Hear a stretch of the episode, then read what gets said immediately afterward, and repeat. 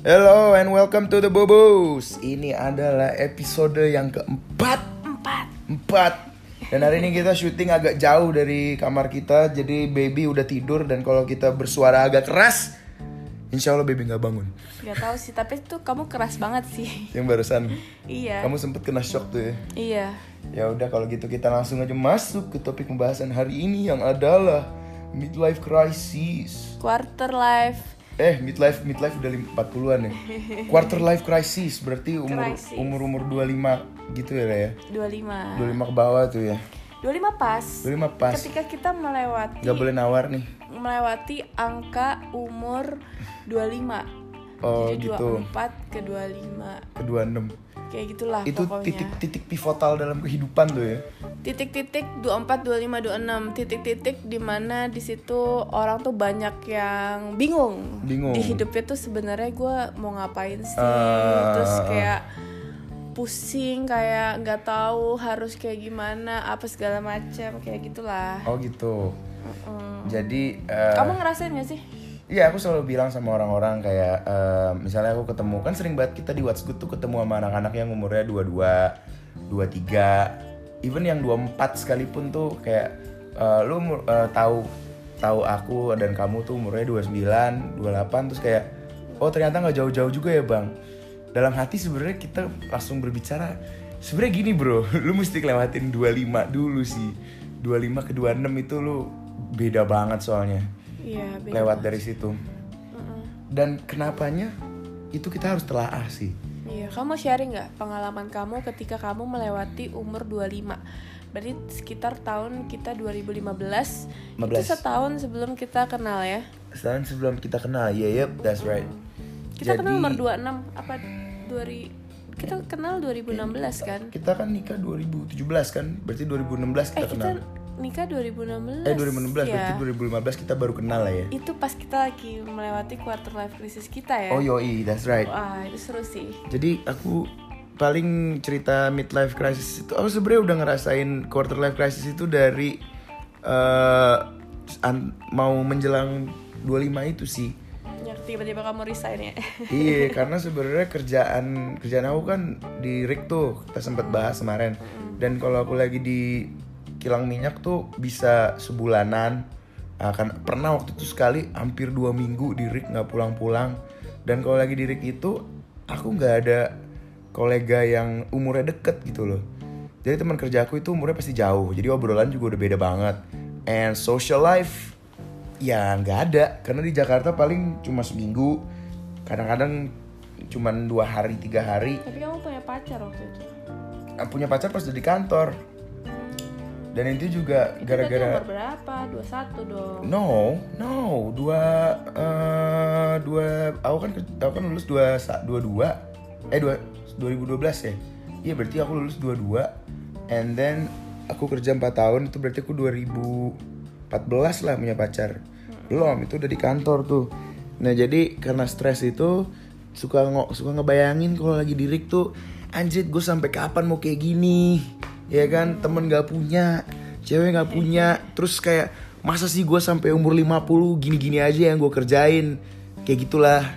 Itu ini ini aku ngomong gitu aja pasti udah ada yang kayak iya bang gue juga nggak. Iya juga nih gue kayak nggak mungkin deh. Gue masa tiap hari kena macet masuk kantor pulang pulang malam kena macet lagi tidur. Ya gitu-gitu doang. Masa sih gue harus kayak gini terus sampai umur iya 40 gitu kan nggak ya istilahnya merasakan bibit-bibit ketidakbahagiaan sih. Itu yang yang gue rasain. Salah satunya itu tuh merasakan ketidakbahagiaan quarter life crisis. Jadi pengen berontak lah. Istilahnya kayak udah itu yang aku simptom yang aku rasakan. Dan kemudian kayak Apa yang kamu lakukan? eh, yang yang pertama aku lakukan karena ah ini mungkin karena emang gue nggak bisa nih kerja di rig kayak gini.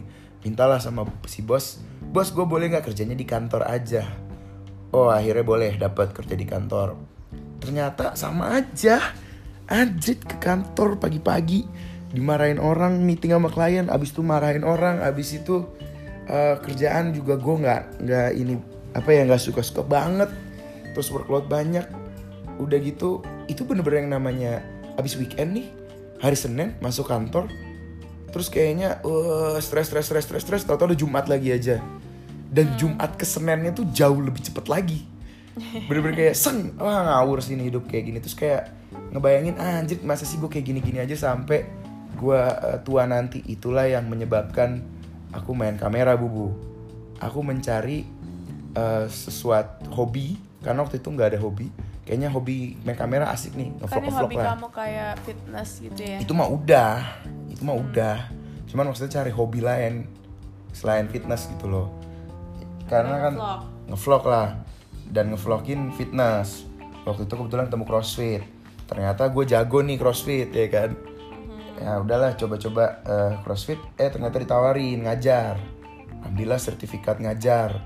Berhenti ke- dari kantor. udah deh gue crossfit aja nih. Ini kayaknya ada ini kayaknya functional training nih bakal berkembang di Indonesia. Dan gue bisa cari cuan di sini. Sempet cuan tapi ternyata gagal. Tapi sebenarnya itu titik di mana gue memberanikan diri untuk mengejar uh, alternatif ya. Kayak gue ngerasa gue nggak mungkin bahagia eh, kalau misalnya gue gua tetap di kantor dan tetap ngejalanin itu. Makanya gue breakthrough dan itu sebenarnya uh, midlife crisisnya tuh di situ.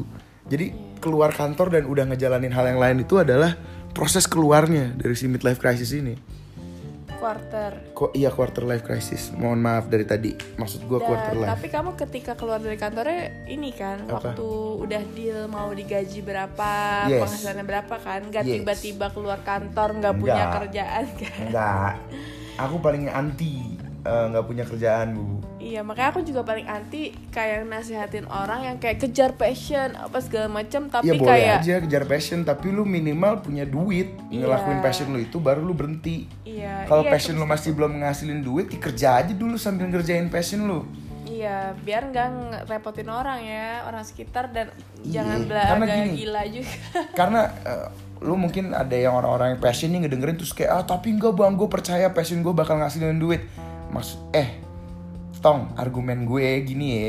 Kalau sekarang aja belum ngasilin di, di titik di mana lu sanggup misalnya eh, passion lu ngasilin duit lu mesti tahu nih berapa tahun lu mesti punya target kira-kira berapa tahun sampai passion gue nih ngasilin duit. Ya nggak sih?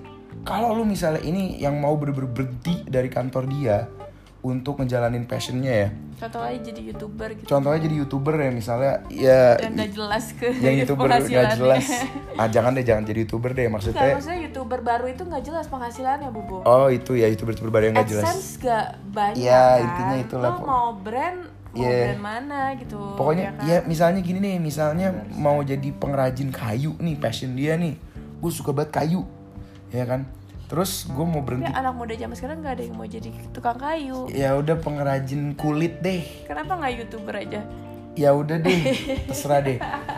Lu mesti tahu. influencer Oke, gitu mesti- selebgram lah Lu mesti tahu lu itu eh, berapa tahun kira-kira lu bisa nyampe si YouTube ini jadi penghasilan lo gitu loh bisa ngasih lu makan rumus simpelnya gini aja taruhlah lu sekarang punya kerjaan yang penghasilannya 6 sampai 10 juta per bulan. Terus lu kayak nih YouTube lu nih belum ngasilin duit nih. Cuman lu optimis dalam satu tahun ini lu eh, bisa eh, ngasilin duit dari YouTube ini. Opsinya berarti dua kan? Either sa- ngerjain YouTube lu ini sambil lu eh, bekerja ya atau lu udah punya cukup penghasilan lu 6 sampai 10 juta kali 12 ya kan dana darurat gitu Iya, dana untuk dana untuk hidup selama 12 ta- 12 bulan. Satu tahun, ya kalau kan? nggak berhasil Nah, lagi itu dan kalau nggak berhasil duit lu habis terus lu balik lagi kerja. Iya kan? Dan mungkin yang lu kerjain di YouTube ini nggak ada nyambung-nyambungnya sama yang lu kerjain. Apakah lu sudah siap untuk menghadapi realita itu? Karena ini nggak ada yang ngomongin. Ini adalah cerita pahit yang banyak banget dari satu orang yang berhasil seribu yang kayak gini. Cuma nggak ada yang ngomongin karena nggak glamorous. And that's the truth about passion. karena dia nggak jadi nggak sukses jadi gimana mau ngomongin dia nggak Iya, kedengeran dia nggak kedengeran. Tapi kan yang ceritanya berkilau yang gemerlapan adalah oh gue berhenti kerja gue ngejar ini terus gue berhasil. story. setiap satu sukses story itu ada seribu yang gagal. So mengejar passion lu tuh lu perlu strategik. Kita- ini masih ada hubungannya sama quarter life crisis. Karena biasanya quarter life crisis itu timbul dari beberapa hal. Yang pertama adalah Wih gila ngomong dari batin banget. Seakan-akan ilahi turun gitu. Nggak sih ini dari pengalaman gue. Yang menyebabkan quarter life crisis ini obrolan anak-anak yang sumuran sama gue itu pertama eh, merasa tidak bahagia terus merasa tidak bahagianya kenapa? Karena dia merasa apa yang dia kerjakan itu tidak memberikan dia kepuasan. joy sih. tidak ya tidak spark joy dan memberikan mereka satisfaction. Sementara apa yang memberikan mereka sparks joy dan satisfaction ini tidak menghasilkan dan tidak menafkahi dia. Akhirnya itu bingung. akhirnya jadilah quarter life crisis ini. Salah Iya, satunya setuju, ya kan? Dan kalau anda tidak bisa mendapatkan nafkah anda gimana mau menafkahi orang lain? Tambah lagi bete tambah quarter life crisis itulah Iya, aku mau sharing sih pengalaman aku saat waktu saat, Saat waktu waktu. waktu Kayak aku lagu.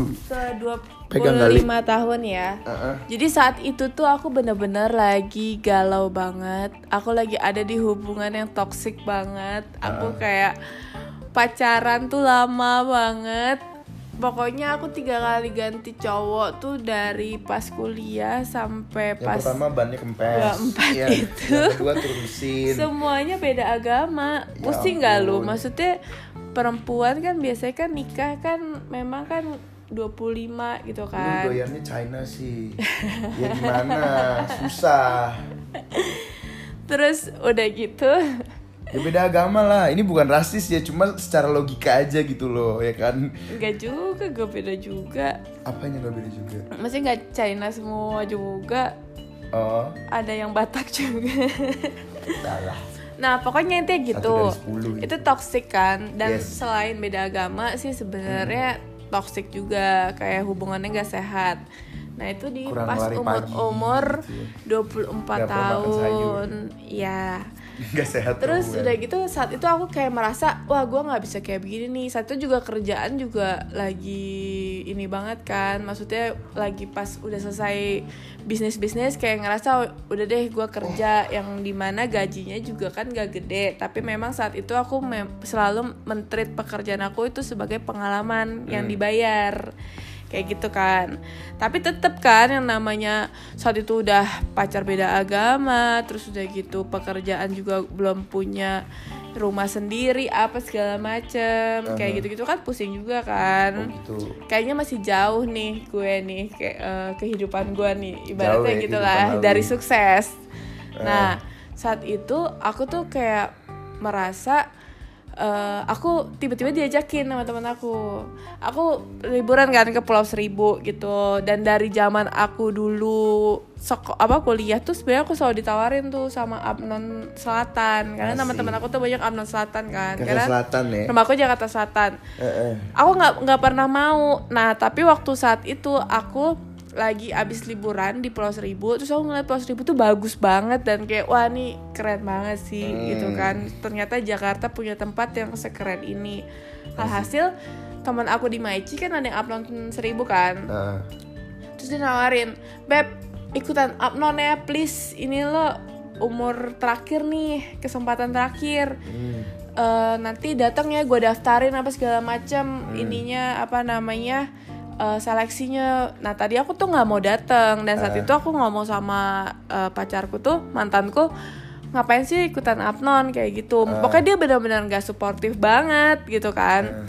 Nah saat itu aku entah kenapa kesambat setan apa oh yaudah deh gue ini nih sekali seumur hidup gitu kan itu ikutan. quarter life crisis bubu.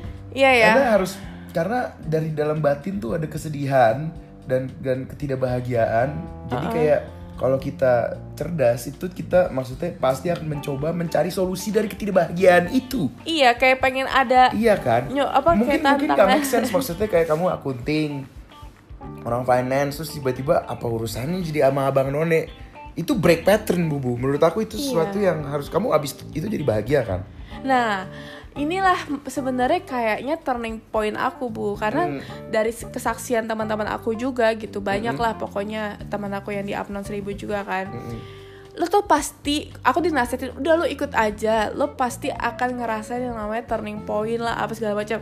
Ah masa sih se life changing itu? Karena Ada. benar-benar dibilang life changing dan teman aku yang life changing yang ikutan Upton tuh kayak ke brainwash gitu loh maksudnya emang bener-bener jadi kayak super lurus super positif gitu orang-orangnya kan Super lurus kayak penggaris ya. Iya dan super kayak eh pokoknya positif yang sukses gitu deh pokoknya. Mm-mm.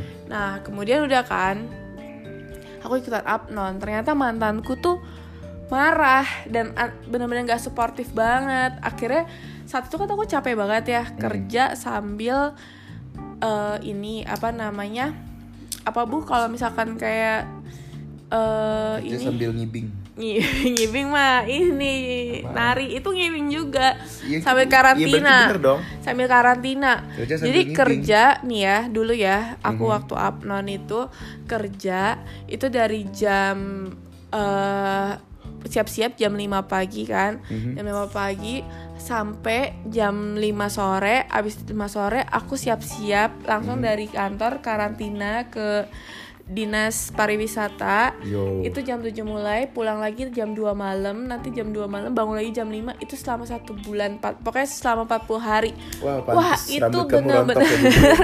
Tidak kok. capek banget dan aku kayak nggak punya waktu gitu loh kayak untuk bullshit. Maksudnya kayak mantan gue tuh lo bullshit banget. Udah nih gue lagi pusing banget. Gue cuma pengen selesai aja kayak gitu loh saat For the itu. bullshit. And then pas selesai itu kan pas umur-umur 25 kan. Lagi mencari apa namanya bukan jati diri sih. Maksudnya lagi mencari diri aku kali ya. Anjay, bukan diri ya aku tuh itu, sama ya diri aku Itu. gitu.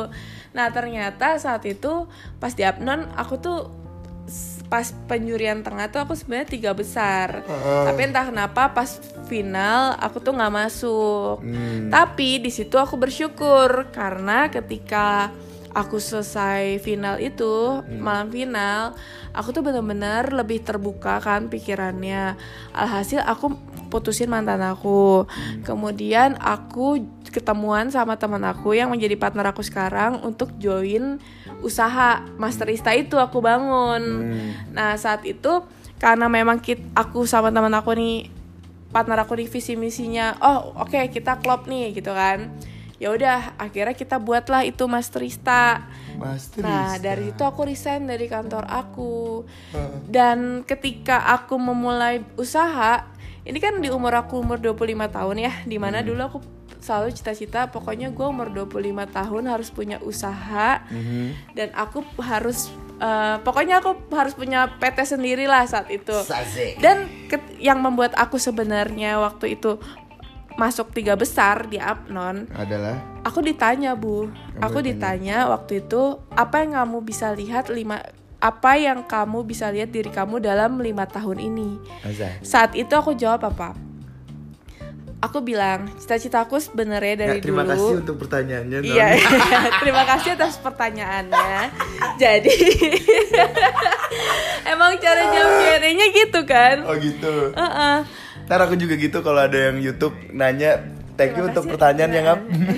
Terima kasih pertanyaannya ngap. Saya akan coba jawab. Asik. Jadi waktu itu aku menjawab gini bu, Apa? aku bilang saat itu aku memang lagi kerja Mm-mm. dan mem cita-citaku untuk lima tahun ke depan secara karir aku jabarin tuh secara Hmm. karir ketika misalnya aku masih di kantor Ah. aku lima tahun ke depan aku udah harus ada di posisi manajerial aku Ya. bilang kayak gitu kan tapi keti- misalnya aku nggak di kantor aku aku tuh pengennya punya usaha sendiri dan usahanya itu adalah usaha yang bergerak di bidang distribusi. Karena aku pernah ada pengalaman di situ atau di bergerak di bidang pariwisata karena sekarang aku udah join dengan Upload Seribu. Entah itu bikin travel agent apa segala macam ke Pulau Seribu kayak gitu kan dan untuk masalah keluarga aku melihat lima tahun ke depan aku tuh udah punya suami dan aku punya dua keluarga Hmm. Dengan- punya dua eh keluarga. punya suami dan punya anak Heeh. dengan status ekonomi yang sudah enak gitu dengan Oh. udah punya rumah udah punya mobil maksudnya udah nggak susah lah gitu kan Hmm. nah itu aku udah sebenarnya di mindset aku aku udah punya goals itu kan Asik. cuman ketika umur 20 itu kan umur 25 Hmm. Nah, krisis-krisisnya tuh sebenarnya awalnya di situ gitu. Hmm. Aku menemukan jati diri aku dan aku jadi karena Upnon itu aku jadi bisa ngeset goals aku lebih tajam lagi gitu loh. Nah, akhirnya ketika selesai upnon aku langsung kontak temen aku kan kayak ayo kita bikin bisnis apa segala macam. Alhasil sekarang aku 2019 kan. Hmm. Sekarang 2019 cita-cita aku yang di tahun 2015 itu apa yang gak terwujud? Hmm? Punya perusahaan aku punya udah punya anak aku udah punya punya suami aku udah punya rumah mobil aku udah punya Terus jadi sebenarnya quarter life crisis aku tuh aku udah bisa melewati gitu. Oh, gitu. Dan aku ngerasa ya yang aku rasain itu aku memang ketika setelah umur 25 tahun itu aku merasa bener-bener sangat dewasa dalam mengambil keputusan. Hmm. Dalam arti dulu aku misalnya diajak teman atau diajak mantan aku atau apa orang-orang yang kayak ayo pergi apa segala macam aku nggak pernah bisa nolak kayak oh ya udah walaupun sebenarnya gue capek banget gue benar-benar butuh istirahat tapi aku pasti akan mau menyenangi menyenangi menyenangkan semua orang gitu Hmm. nah yang aku pelajarin setelah aku melewati umur 25 buset gue tuh bukan robot gue gak bisa nyenengin semua orang gue nggak diprogram untuk itu gitu Hmm. akhirnya aku bisa mengatakan no aku bisa kayak gue nggak mau temenan sama orang yang kayak begini Iya, gue iya, mau iya.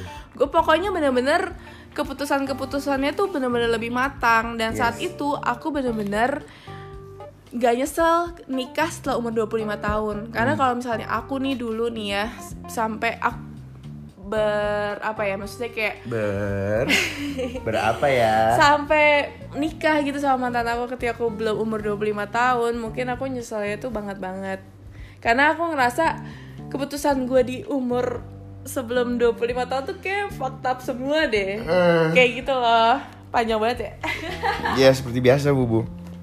Nah itu pengalaman dari Bubu dan pengalaman dari gua. Jadi kalau untuk disimpulkan sebenarnya quarter life crisis itu eh, banyak faktornya ya. Yang jelas karena mungkin mayoritas dari kalian ini belum tahu mau ngapain.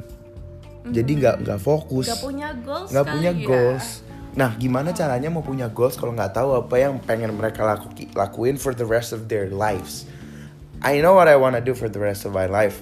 Aku mau jualan kopi, aku mau apa pun nanti ke depan bentuk dan trennya, aku mau fitness, sama aku mau main video for the rest of my life gitu loh. Jadi Tapi aku udah tahu. kamu udah tahu setelah kamu Setelah udah merasakan Iya, kan? iya, iya, tar dulu jangan potong dulu, Ibu, mohon maaf. ya udah gak usah marah-marah Ya bisa gue lagi mau ngomong dipotong deh gile. Jadi ya intinya namanya juga podcast berdua Iya intinya adalah itu. Nah kenapa? Nah kalau misalnya kalian belum menemukan apa itu yang kamu kamu, kamu pengen lakuin sebelum umur 25 itu, nah itulah yang bikin galau, bikin bimbang, bikin gak happy quarter life crisis ini. Jadi cuma ngejalanin hidup tuh cuman ngejalanin aja gitu loh. Jadi kalian itu ngejalanin hidup karena dido- tujuannya kalian karena goals karena didorong dari belakang, bukan ingin menggapai sesuatu gitu. loh. Iya, jadi kayak ya udah yang penting gue hidup bisa makan bisa apa gitu kan tanpa punya Yes. goals misalnya Yes. pengen nikah umur berapa kayak gitu kan Yes. sebenarnya kalau kita punya goals kita pasti punya cara-cara gimana supaya kita bisa mencapai goals itu kan Iya punya. ya misalnya Hmm. oke kerja tapi gue pasti akan cabut umur 30 dengan capital gue berapapun itu dan gue pengen bikin uh, YouTube channel. atau gini lah Ya, lagi misalnya eh, nggak usah semuanya berkaitan sama kerja deh. Misalnya mau punya jodoh nih ya kan mau Aha. punya pacar.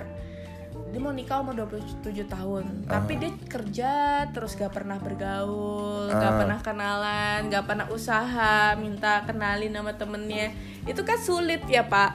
Tapi gitu loh.